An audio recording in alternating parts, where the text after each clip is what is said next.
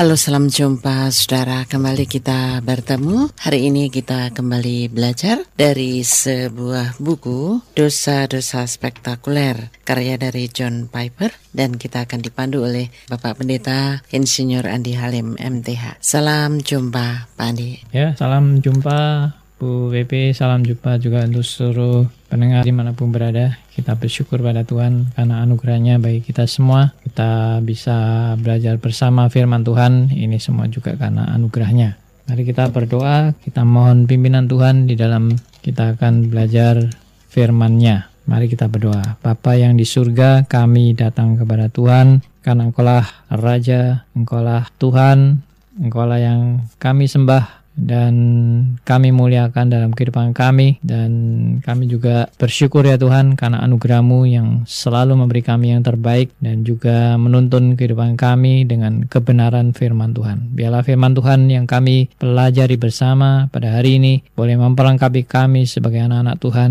mengerti kebenaran demi kebenaran dan semuanya juga supaya hidup kami belajar memuliakan nama Tuhan. Dalam nama Tuhan kami Yesus Kristus, Tuhan dan Juru Selamat kami yang hidup, kami berdoa. Amin. Ya saudara untuk hari ini kita akan melanjutkan pelajaran kita dari buku dosa-dosa spektakuler karya dari John Piper dan pada waktu yang lalu kita masih belajar dari pendahuluan ya dan kita akan melanjutkan bagian berikutnya dari pendahuluan. Pak Andi akan memberikan dahulu review dari pelajaran kita yang lalu. Ya saudara kita sudah belajar tentang zaman sedang berubah. Ketika hati yang terluka memerlukan kunci baut. Ya ini menggambarkan apa saudara? Menggambarkan kalau hati terluka itu kan udah sakit. Lalu dikasih kunci baut itu enggak enggak tambah enak itu. Tapi tambah menderita. Dan itulah juga suatu gambaran sebetulnya hidup orang percaya yang tidak menjanjikan hidup yang selalu indah, selalu baik, selalu nyaman, selalu lancar, selalu sehat dan selalu untung, tidak pernah rugi, tidak pernah uh, kena musibah, malapetaka, uh, penyakit dan bahkan mungkin tidak pernah mati. Tetapi kenyataannya tidak demikian dan John Piper yang menulis buku ini justru mau mempersiapkan orang-orang percaya agar dalam menghadapi masa-masa penderitaan tidak kecewa kepada Tuhan. Dan memang mau tidak mau masa penderitaan itu pasti suatu saat datang dan bagaimana kita sebagai orang percaya belajar mempersiapkan semuanya ini. Oke, saya akan lanjutkan dari buku Dosa-dosa Spektakuler dan Tujuan Globalnya bagi Kemuliaan Kristus karangan John Piper. Kita sudah sampai kepada halaman 7 ini buku terjemahan dari penerbit Momentum. Demikian halaman yang ketujuh saudara-saudara dan sekutumu di dalam kesusahan. Saya telah mengembalakan terlalu banyak orang Kristen melalui kematian pada masa-masa terbaik sehingga saya tahu tidak ada satupun masa yang mudah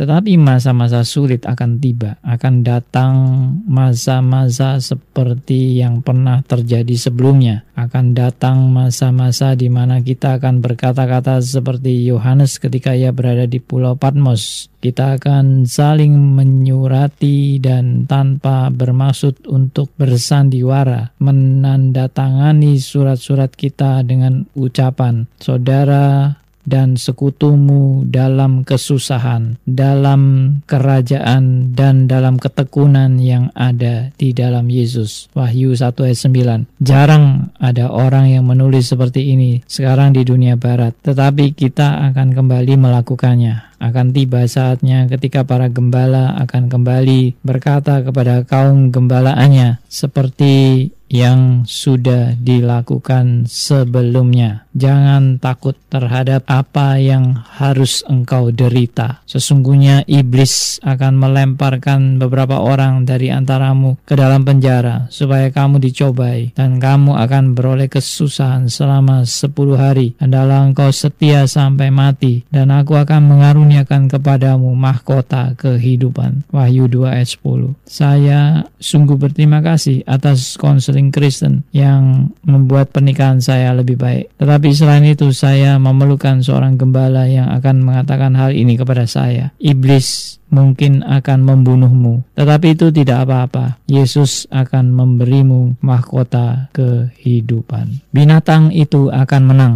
untuk waktu yang singkat. Selain ucapan berkat sehari-hari yang lemah lembut, saya juga memerlukan peringatan keras bahwa binatang itu akan menang untuk waktu yang singkat. Binatang itu diperkenankan untuk berperang melawan orang-orang kudus dan untuk mengalahkan mereka. Dan karena semua orang yang tidak menyembah patung binatang itu dibunuh. Wahyu 13 ayat 7 dan 15. Saya membutuhkan peringatan bahwa pelacur Babel yang besar itu suatu hari akan mabuk oleh darah orang-orang kudus dan darah saksi-saksi Kristus. Wahyu 17 ayat 6 kengerian-kengerian ini ada di dalam Alkitab, firman Allah.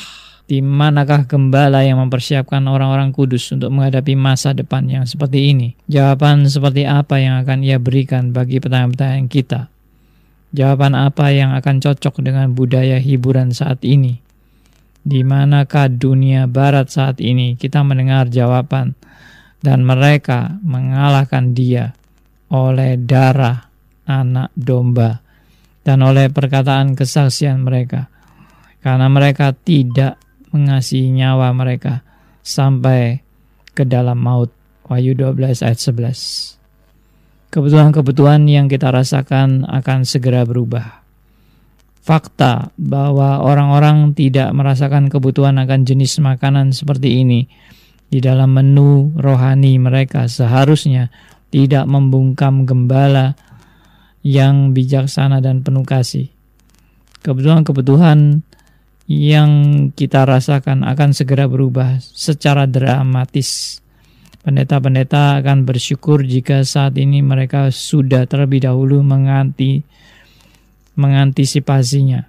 Kalau tidak, mereka semua akan menjadi terlalu terlambat. Orang-orang yang telah dimanjakan tidak akan menjadi pendengar-pendengar yang baik. Ketika dunia mereka runtuh, mereka akan mati rasa karena bingung dan marah kepada Allah yang menurut mereka seharusnya tidak mengizinkan hal ini terjadi. Jika Allah adalah Allah yang seperti ini, mengapa engkau tidak mengatakannya kepada kami? Tujuan buku ini bukanlah untuk memenuhi kebutuhan-kebutuhan yang kita rasakan, tetapi untuk menyadarkan tentang kebutuhan-kebutuhan yang sebentar lagi akan kita rasakan, dan kemudian menyelamatkan iman Anda dan memperkokoh keberanian Anda saat kejahatan menang. Ini adalah kebenaran-kebenaran yang besar, mendalam, penting, dan kuat. Kebenaran-kebenaran untuk wabah penyakit dan peperangan dan malapetaka pribadi. Kebenaran-kebenaran ini terbuat dari baja. Saya tahu bahwa kunci baut yang terbuat dari baja tidak dapat membelai hati yang hancur. Tetapi jika mobil Anda bergerak menuju Anda dan akan menggilas Anda, sebuah kunci baut yang terbuat dari baja akan menyelamatkan hidup Anda. Lalu ketika Anda sudah kembali ke rumah, ketika Anda menceritakan peristiwa itu, air mata akan mengalir dan Yesus akan memegang Anda saat Anda terisak-isak karena sukacita. Keberhasilan dosa di dalam providensia Allah. Tujuan saya adalah untuk menunjukkan bahwa dosa dan kejahatan tidak peduli spektakuler apa pun, tidak pernah membatalkan tujuan Allah yang menentukan dan meninggikan Kristus. Tidak, tujuan saya lebih daripada itu. Dosa-dosa spektakuler ini bukan hanya gagal membatalkan tujuan Allah untuk memuliakan Kristus, tetapi justru berhasil karena providensia Allah yang tidak dapat dipahami untuk menggenapi tujuannya yang penuh anugerah. Kebenaran ini adalah baja yang Allah tawarkan untuk menopang tulang punggung umatnya saat mereka menghadapi bencana terburuk. Akan ada kelembutan pada waktunya. Tetapi ketika punggung kita patah karena kita berpikir Allah itu jahat dan tidak hadir, Siapa yang akan menyambutnya ketika ia datang dengan belayan? Sasarannya adalah kasih. Pada akhirnya, sasaran saya yang akan saya perjelas seiring pembahasan kita adalah bahwa Anda diberikan kekuatan dan keberanian kasih yang tidak pernah gagal kepada semua orang, termasuk kepada musuh-musuh Anda. Matius 5 ayat 43 sampai 44. Kasih menutupi segala sesuatu, percaya segala sesuatu, mengharapkan segala sesuatu, sabar menanggung segala sesuatu. 1 Korintus 13 ayat 7. Ada banyak hal yang harus ditanggung.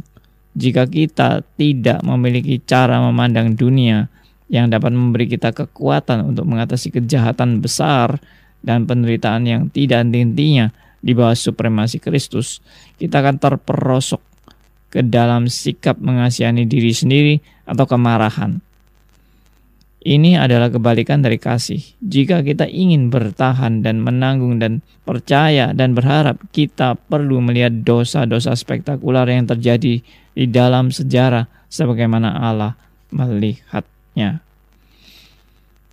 Saya berharap buku ini akan membantu Anda. Asumsinya adalah bahwa menceritakan kisah-kisah tentang dosa ini seperti yang diceritakan dalam Alkitab akan sama membantunya seperti menulis teologi formal tentang providensia. Setelah kisah-kisah itu Anda mengerti, Anda akan memiliki waktu seumur hidup Anda untuk menelusuri semua implikasinya di dalam buku-buku lain yang lebih luas daripada buku ini. Bagaimana sebuah jendela kecil bekerja? Buku ini kecil, tetapi doa-doa saya untuk buku ini begitu besar Kadang-kadang jika Anda melihat dengan cukup dekat, lubang terkecil dapat menyingkapkan sebuah dunia baru. Bukan ukuran jendela yang menentukan seberapa banyak yang Anda lihat. Yang menentukan adalah ke mana jendela itu menghadap dan seberapa dekat Anda dan apakah kacanya bening. Jendela kecil itu in, Jendela kecil buku ini mengarah kepada anak Allah dan kemenangan kemuliaannya melalui beberapa dosa paling spektakuler dalam sejarah kaca yang saya gunakan untuk membuat jendela ini adalah Alkitab. Jika saya tidak setia kepada apa yang diajarkan oleh kitab suci, kitab suci Kristen, uh, Anda boleh meninggalkan buku ini. Saya berharap Anda akan mendekat ke kaca jendela sehingga panorama yang paling luas dapat Anda lihat. Ya, sekali lagi kita bisa melihat bagaimana uh, John Piper dalam buku ini mau mempersiapkan kita semua untuk menghadapi hal-hal yang tidak menyenangkan kita mungkin ya. Yang tidak mengenakan kita dan mungkin juga bahkan membuat kita menderita sekali dan mengalami kesusahan yang begitu berat dan bahkan sampai mungkin iman kita juga goncang dan kita merasa Tuhan tidak lagi mengasihi dan menyertai kita. Nah, jadi buku ini tujuannya memang mau mempersiapkan kita menerima hal-hal yang tidak enak itu. Ya, dan bahwa itu memang mungkin tidak menyenangkan tapi menolong kita untuk melindungi kita dari dari mungkin uh, kerusakan atau ke, atau hal yang patah dan sebagainya dan itu melindungi kita dari kerusakan yang lebih fatal. Ya, jadi hidup memang tidak lepas daripada hal yang menyakitkan, hal yang mungkin mengecewakan kita, yang merupakan kepahitan bagi kita.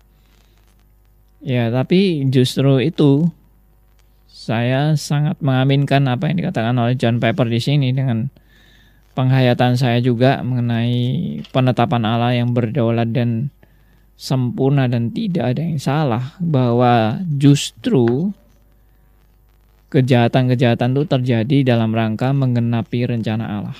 Jadi bukan hanya kejahatan tidak mungkin bisa menggagalkan rencana Allah, tapi justru itu dipakai dalam rangka menggenapi rencana Allah. Nah ini yang luar biasanya di situ. Jadi kita bukan hanya sekedar oh kejahatan tuh mau menggagalkan rencana Allah ya nggak bisa Allah tidak bisa digagalkan. Tetapi bukan hanya kejahatan mau menggagalkan rencana Allah, kejahatan dipakai Allah atau ditetapkan Allah justru dalam rangka menggenapi rencananya. Memang Tuhan bukan Tuhan yang berbuat jahat. Di sini nanti akan memang menjadi satu uh, polemik ya, yang biasanya orang bilang masa dalam diri Allah ada rancangan tentang kejahatan. Ya, tapi kalau kita lihat di Alkitab juga maksudnya kejahatan itu tanda petik gitu. Kejahatan itu dalam rangka Allah mengenapi rencananya yang indah. Jadi kejahatan itu seperti kalau saya gambarkan seperti alat negatif. Ya, alat negatif itu kalau saya gambarkan juga seperti contohnya pisau. Pisau itu pisau itu bisa positif bisa negatif. Ya. Dan meskipun kelihatannya negatif tapi juga demi positif. Nah itulah uh, itu yang tadi saya sebut bahwa uh, yang John Piper juga sebut bahwa kejahatan itu justru dalam rangka mengenapi rencana Allah jadi bagaimana maksudnya? Pisau itu pisau itu kalau digunakan oleh maling memang uh, mengerikan ya untuk merampok untuk membunuh dan sebagainya. Itu pisau untuk melukai orang. Eh, tapi pisau itu kalau dipegang oleh seorang dokter yang akan mengoperasi pasiennya, memang jelas-jelas pisau itu akan merusak jaringan di kulit dan daging dalam tubuh kita. Tapi itu tujuannya supaya disobek daging kita ya, tujuannya supaya dokter bisa mengobatin dengan baik organ-organ tubuh kita yang mungkin sudah tidak berfungsi dengan baik. Misalnya operasi usus buntu atau operasi Eh, batu ginjal atau ya sekarang memang alat lebih canggih ya. Tidak perlu dibelah dan sebagainya. Cukup di laser dan sebagainya. Tapi juga misalnya operasi ya operasi entah itu ada tumor atau ada apa memang tujuannya kan dibelah daging itu untuk tumornya diambil dan untuk disembuhkan jadi negatif memang negatif. Uh, kulit kita disobek itu negatif. Daging kita disobek sampai tapi tujuannya adalah positif, yaitu tumor kita akan disembuhkan. Tapi harus dengan menyobek daging kita. Dan daging di sekitar uh, tumor itu untuk diambil. Nah, jadi luka. Tapi luka itu demi rencananya yang sempurna. Demikian juga Tuhan bisa memakai hal-hal yang tidak menyenangkan itu dan bahkan dosa-dosa itu uh, dalam rangka di Allah sedang menggenapi rencananya yang agung yang kita tidak mengerti tentunya secara keseluruhan karena kita bukan Allah. Tetapi uh, kita percaya ada maksud baik Allah dalam mengizinkan uh, anak-anaknya menderita. Pasti ada maksud baik Allah. Ya itulah bisa kita pelajari. Kiranya ini bisa jadi berkat bagi seluruh pendengar radio RMC di mana pun berada.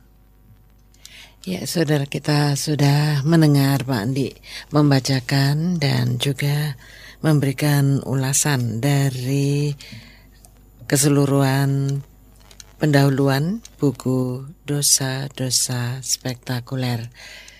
Ya, saudara, yang kita pelajari dari pendahuluan ini kita dipandu untuk memahami bahwa kejahatan tidak selalu mengagalkan rencana Allah, tapi justru dipakai oleh Allah untuk menggenapi rencananya yang indah. Kejahatan pada umumnya selalu kita pandang sebagai hal yang negatif ya Pak Dik ya. Hmm. Jadi memang tidak ada hal yang kebetulan terjadi. Itu yang kita harus pegang. Jadi meskipun kejahatan itu terjadi, tapi kejahatan itu tidak terjadi di luar rencana Allah. Itu yang kita harus pegang juga sesuai dengan doktrin kedaulatan Allah. Tidak ada satupun kejadian yang terjadi di luar kedaulatan Allah, di luar rancangan dan rencana Allah yang sempurna. Jadi istilahnya Allah itu nggak mungkin kebobolan dan tidak mungkin rancangannya bisa dirusak oleh siapa pun. Tidak ada. Tidak ada yang bisa merusak rencana Allah. Karena Allah Maha Kuasa. Jadi di sini kita harus punya periksa posisi yang benar. Bahwa Allah yang Maha Kuasa itu rencananya sempurna. Kalau sempurna berarti nggak bisa dirusak. Atau nggak bisa dibelokkan, nggak bisa di nggak bisa diganggu gugat begitu karena memang rencananya sempurna. Nah, bagaimana dengan terjadinya banyak gangguan-gangguan itu? Banyak orang-orang kejahatan, banyak eh, orang-orang uh, yang berbuat hal yang tidak berkenan kepada Allah, ya misalnya juga pemerkosaan, pembunuhan, pelacuran, dan banyak kejahatan lain, penipuan dan sebagainya. Dan itu sering kali dianggap sebagai kejahatan yang keluar dari rencana Allah.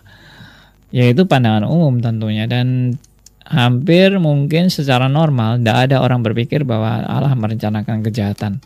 Karena Allah selalu punya tujuan yang baik dan Allah penuh dengan kasih.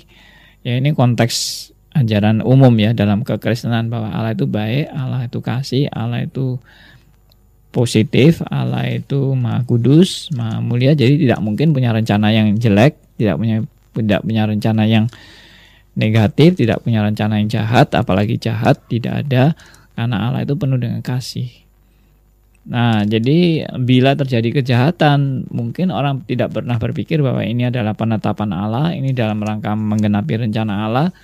Jadi kejahatan ini adalah berjalan sendiri, mau maunya sendiri, mau menghancurkan pekerjaan Tuhan, menghancurkan rencana Tuhan. Jadi ada dua kutub begitu, kutub Tuhan dan kutub iblis yang selalu mau beradu kekuatan dan saling mau menghancurkan. Jadi Tuhan mau menghancurkan iblis, iblis mau menghancurkan Tuhan eh, dan pengikut-pengikutnya. Jadi eh, terjadi peperangan terus yang tidak pernah selesai. Nah ini pandangan yang salah kalau dikatakan sepertinya ada dua kutub ya, ada ada dualisme, gitu. dualisme kekuasaan, dualisme kekuatan, ya dualisme dualisme pemerintahan begitu ada ada pemerintahan Allah ada pemerintahan iblis ada kuasa Allah ada kuasa iblis dan selalu ingin merusak ya iblis ingin merusak pekerjaan Allah dan Allah mau membasmi dan menghancurkan iblis tapi itu pandangan dualisme ya pandangan dualisme kita tidak tidak percaya kepada pandangan dualisme dan itu bukan pandangan Alkitab Ya pandangan yang benar apa? Pandangan yang benar ya cuma satu aja. Penguasa adalah satu, yaitu Allah. Dan iblis pun bahkan tunduk dalam kedaulatan Allah. Iblis itu tidak keluar dari kedaulatan Allah dan dan bisa berbuat uh, semuanya di luar rencana Allah. Itu nggak bisa. Semua yang dilakukan iblis juga dalam kontrol Allah, kendali Allah dan itu juga dalam rangka menggenapi rencana Allah yang sempurna. Jadi sekali lagi rencana Allah tidak bisa dirusak. Manusia boleh merencanakan atau memikir-mikirkan rencana dalam kehidupannya, tetapi Tuhan yang menentukan arah langkahnya. Itu tercatat di dalam Amsal 16 ayat yang ke-9 ya. Mungkin bisa dibaca sama-sama Amsal Amsal 16 ayat 9. Bu Bibi akan membacakan. Amsal 16 ayat 9. 9. Hati manusia memikirkan jalannya, tetapi Tuhanlah yang menentukan arahnya. Ya. Jadi jelas sekali bahwa di sini ada dua sisi yaitu manusia yang memikir-mikirkan jalannya tapi yang sisi lain adalah Tuhan yang menentukan arah langkahnya. Jadi bagaimanapun manusia berpikir dan bagaimanapun manusia berusaha, tapi tetap hasilnya itu ada di dalam rancangan yang sesuai dengan kehendak Allah, dalam kesempurnaan Allah. Merencanakan segala sesuatu itu tidak salah. Makanya eh, bagaimanapun manusia diberi kebebasan dan bagaimanapun manusia juga memikir-mikirkan jalannya dalam pertimbangannya sendiri tapi semuanya tidak akan keluar dari jalur ketetapan Allah yang sempurna dan tidak bercacat itu. Ya, jadi ini sangat sangat sangat sangat dipengaruhi oleh kedaulatan Allah, konsep kedaulatan Allah, konsep penetapan Allah ya dan rancangan Allah yang sempurna dan tidak bercacat dan tidak ada kekurangan satupun. Jadi nggak ada yang bisa mengganggu rencana Tuhan sampai rencana Tuhan akhirnya berubah atau rencana Tuhan akhirnya porak-poranda gara-gara iblis yang mengganggu tidak ada. Di dalam rancangan Allah pun tidak ada istilahnya revisi atau perbaikan karena sudah ter, terlanjur dirusak oleh iblis maka Tuhan mau memperbaiki rencananya Gak ada. Semua dalam rangka sedang mengenapi rencananya. Meskipun iblis ingin menghancurkan, iblis ingin merusak, iblis ingin memecah belah pekerjaan Tuhan, tapi semua itu dalam kedaulatan dan kuasa Allah memelihara gerejanya. Jadi mungkin memang ada bagian-bagian gereja tertentu yang sempat dirusak atau mau dihancurkan. Tapi buktinya Tuhan tidak pernah bisa meng, uh, iblis buktinya tidak pernah bisa menghancurkan pekerjaan Tuhan. Jadi ini di sini juga kita bisa melihat semua yang terjadi itu dalam kendali dan kuasa dan kontrol Allah.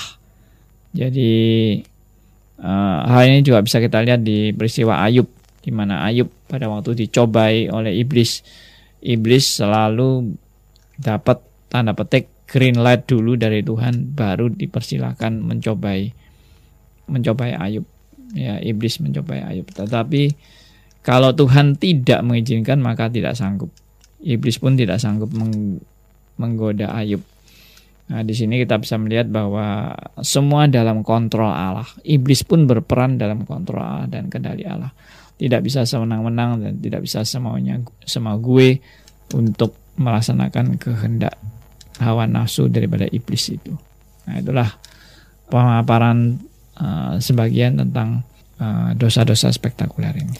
Ya, tadi Pak Andi katakan kelihatannya menurut pandangan umum itu kayak ada dua kuasa hmm. yang saling berebutan gitu ya. Hmm. Tapi pada masyarakat kita sering melihat itu ya Pak Andi karena kelihatannya ada kekuatan black and white hmm. gitu ya dan akhir-akhirnya white yang menang hmm. gitu ya dan kelihatannya seolah-olah roh Allah bekerja di wilayah white hmm. dan roh iblis di wilayah black gitu ya. Atau kadang-kadang kalau kita melihat ada orang kesurupan misalnya Pak Andi ya, hmm. terlepas salah atau tidak, tapi kalau kita mengacu pada pada Alkitab yang masa dulu ada kan orang kesurupan kemudian yang ditengking masuk jurang itu, hmm. tapi itu kan langsung ya, langsung hmm. dari Tuhan sendiri. Sementara kekuatan black and white ini memang tidak dapat dipungkiri selalu nampak dalam penilaian secara umum ya Pak Andi ya. Dan kita sulit memahami kalau kita tidak punya pemahaman uh, kedaulatan Allah ya Pak Andi. Iya,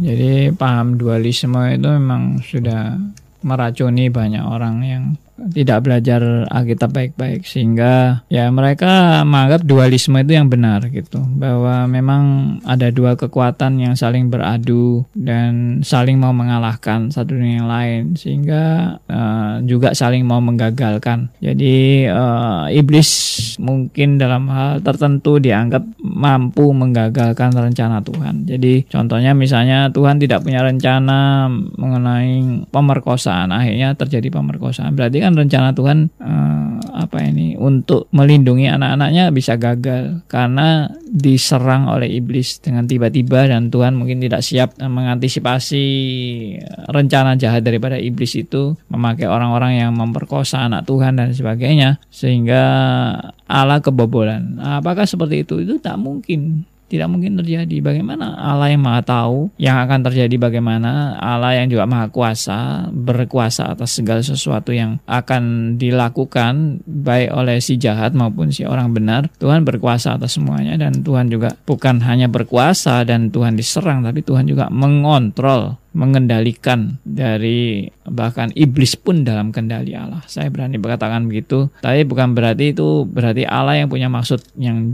jahat lalu diterjemahkan oleh iblis. Bukan berarti uh, dalam diri Allah ada kejahatan dan dan Allah sendiri melawan dirinya sendiri itu itu itu memang tidak mungkin hal itu. Iblis mau melawan Allah itu atas atas hak dan keinginan daripada iblis sendiri. Tetapi bahwa iblis mau melawan Allah itu ada di dalam ketetapan Allah itu itu ya. Yang menjadi pertanyaan adalah bagaimana Allah yang kudus punya penetapan yang tidak kudus. Allah yang Maha Kudus punya penetapan yang untuk merusak pekerjaan Allah sendiri. Nah, kalau kita lihat sempit memang hal itu uh, sulit dijelaskan. Bagaimana Maha Kudus merencanakan anak Tuhan diperkosa ya oleh iblis dengan menggunakan iblis. Nah, itu kan Allah kejam sekali seperti itu. Kenapa Allah kok sampai uh, merencanakan anak Tuhan diperkosa dan sebagainya? Kenapa tidak dibuat yang baik, dibuat yang mulus, dibuat yang uh, iblis tidak bisa berperan dan sebagainya? Tapi uh, ya itu misteri. Memang harus diakui misteri. Tidak semua dosa bisa kita jelaskan. Tetapi kita tahu pasti ada satu hal prinsip yaitu Tuhan ingin hidup kita itu keakuan kita itu dihancurkan. Melalui peristiwa-peristiwa itu kita dihancurkan. Kesombongan kita dihancurkan. Uh, rasa superior diri juga dihancurkan. Sehingga orang yang pada saat mengalami musibah yang luar biasa mengerikan dalam hidupnya. Dia benar-benar sadar, I am nothing gitu.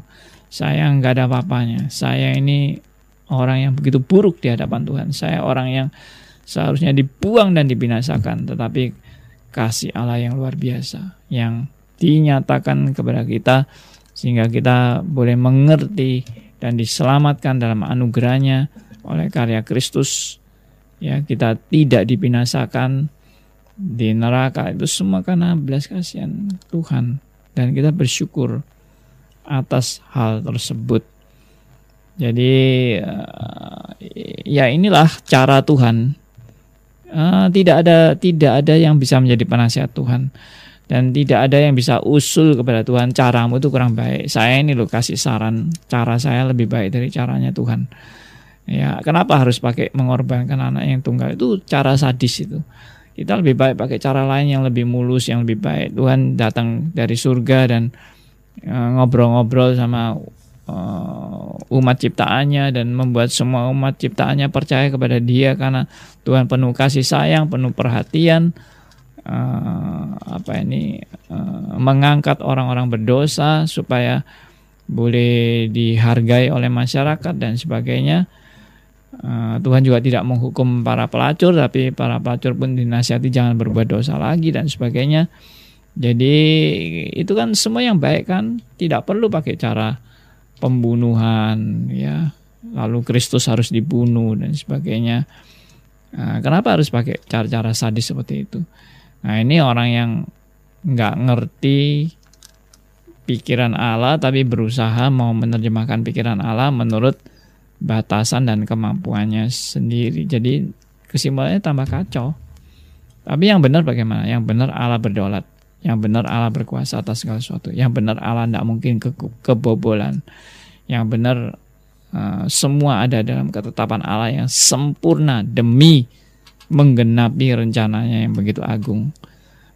Nah, itulah yang yang seharusnya kita semua pegang bahwa Allah tidak mungkin salah. Allah tidak mungkin keliru.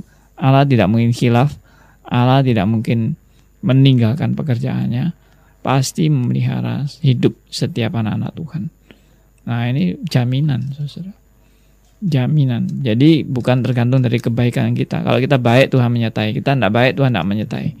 Kalau kita baik Tuhan setia sama kita. Kita tidak tidak baik Tuhan tidak mau setia sama kita. Kalau seperti itu kita semua pasti hancur hidup kita juga pasti hancur. Karena apa? Kalau kita begitu tidak baik, Tuhan tinggalkan kita, maka kita tidak lagi punya kesempatan bisa insyaf akan dosa-dosa kita dan mau berbalik lagi kepada Allah. Tidak mungkin karena apa? Tuhan sudah meninggalkan kita. Roh roh Tuhan sudah tidak diam dalam diri kita lagi. Nah, kalau roh Tuhan tidak beserta dengan kita, lalu kita bisa insyaf dari mana? Kita bisa bisa menyadari keberadaan kita yang berdosa dan membutuhkan juru selamat itu dari mana? Itu semua juga dari pekerjaan Roh Kudus. Nah, jadi mari kita dalam belajar seperti ini kita benar-benar mengandalkan Tuhan dan benar-benar uh, bersandar pada hikmat Tuhan dan bukan hikmat diri kita sendiri. bahwa apa pun bisa dipakai Tuhan dalam rangka menggenapi rencananya. Ya, dosa pun dipakai Tuhan dalam rangka menggenapi rencananya. Ya, jadi dosa justru bukan uh, memang tujuan daripada iblis mau menggagalkan rencana Tuhan, tapi tujuan daripada Allah memakai iblis tanda petik ada dalam rangka menggenapi rencananya yang holistik tadi, yang yang secara keseluruhan seutuhnya integrated dan semuanya adalah bagi kemuliaan Allah.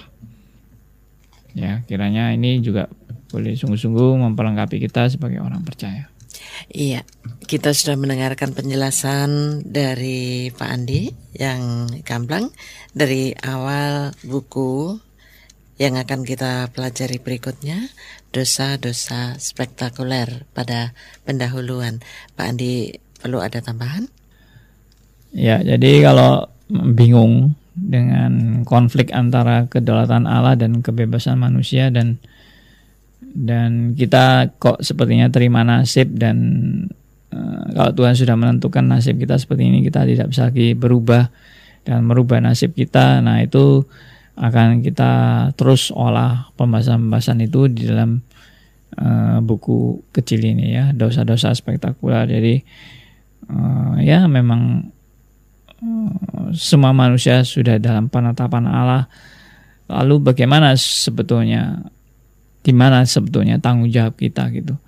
Di dalam kita menerima penetapan Allah. Karena ada orang-orang bereaksi ya kalau Tuhan sudah menetapkan ya saya sudah tidak usah berusaha. Kalau Tuhan sudah menetapkan ya sudah nasib. Jadi tidak usah usaha tidak usah mungkin ke dokter nggak usah cari peluang lain dan sebagainya. Sudah serahkan aja. Kalau Tuhan mau mau mendatangkan saya untung ya pasti saya untung kalau Tuhan mau mencabut semuanya ya hanya hilang semua. Jadi ya sudah serahkan aja sama Tuhan. Nah itu jadi fatalisme. Kita tidak diajarkan fatalisme. Kita selalu selalu diajarkan namanya do your best. Do the best. Jadi lakukan yang terbaik yang bisa kita lakukan. Dan uh, kita nggak tahu memang uh, Tuhan mau men menciptakan kita untuk apa jadi apa ke depan 10 tahun lagi atau lima tahun lagi kita jadi apa nggak ada yang tahu yang kita tahu pasti adalah Tuhan sedang menuntun kita yang kita tahu pasti adalah Tuhan juga sedang uh, membimbing kita ya dan kita tahu pasti bahwa Tuhan selalu menyediakan yang terbaik bagi kita Ya, yang terbaik itu apa? Nah, itu macam-macam. Yang terbaik itu apa? Mungkin tuh hal yang buruk bagi kita. Tapi tetap yang terbaik.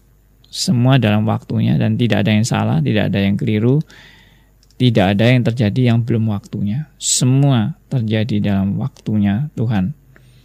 Ya, memang ini kadang-kadang dianggap ekstrim, dianggap berlebihan karena bagaimana eh, hal-hal uh, kecil sekali itu dalam penetapan Allah. Misalnya terjadinya sel sel yang memekar, sel yang hidup dan sebagainya. Itu apakah juga dalam perkenan Allah pertumbuhan sel dan sebagainya?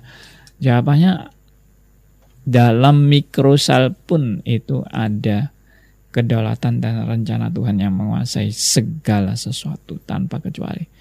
Justru kita kalau ingat seperti ini sebenarnya kita harus bersyukur karena uh, inisiatif nasib hidup saya bukan di tangan saya tapi inisiatif nasib hidupku di tangan Allah. Nah itu jauh lebih aman, lebih aman daripada nasib hidupku di tanganku. Kalau nasib hidupku di tanganku tidak ada jaminan. Besok aku jadi apa juga nggak tahu. Besok bisa stroke atau besok saya dibunuh, besok saya kecelakaan dan mati dan sebagainya.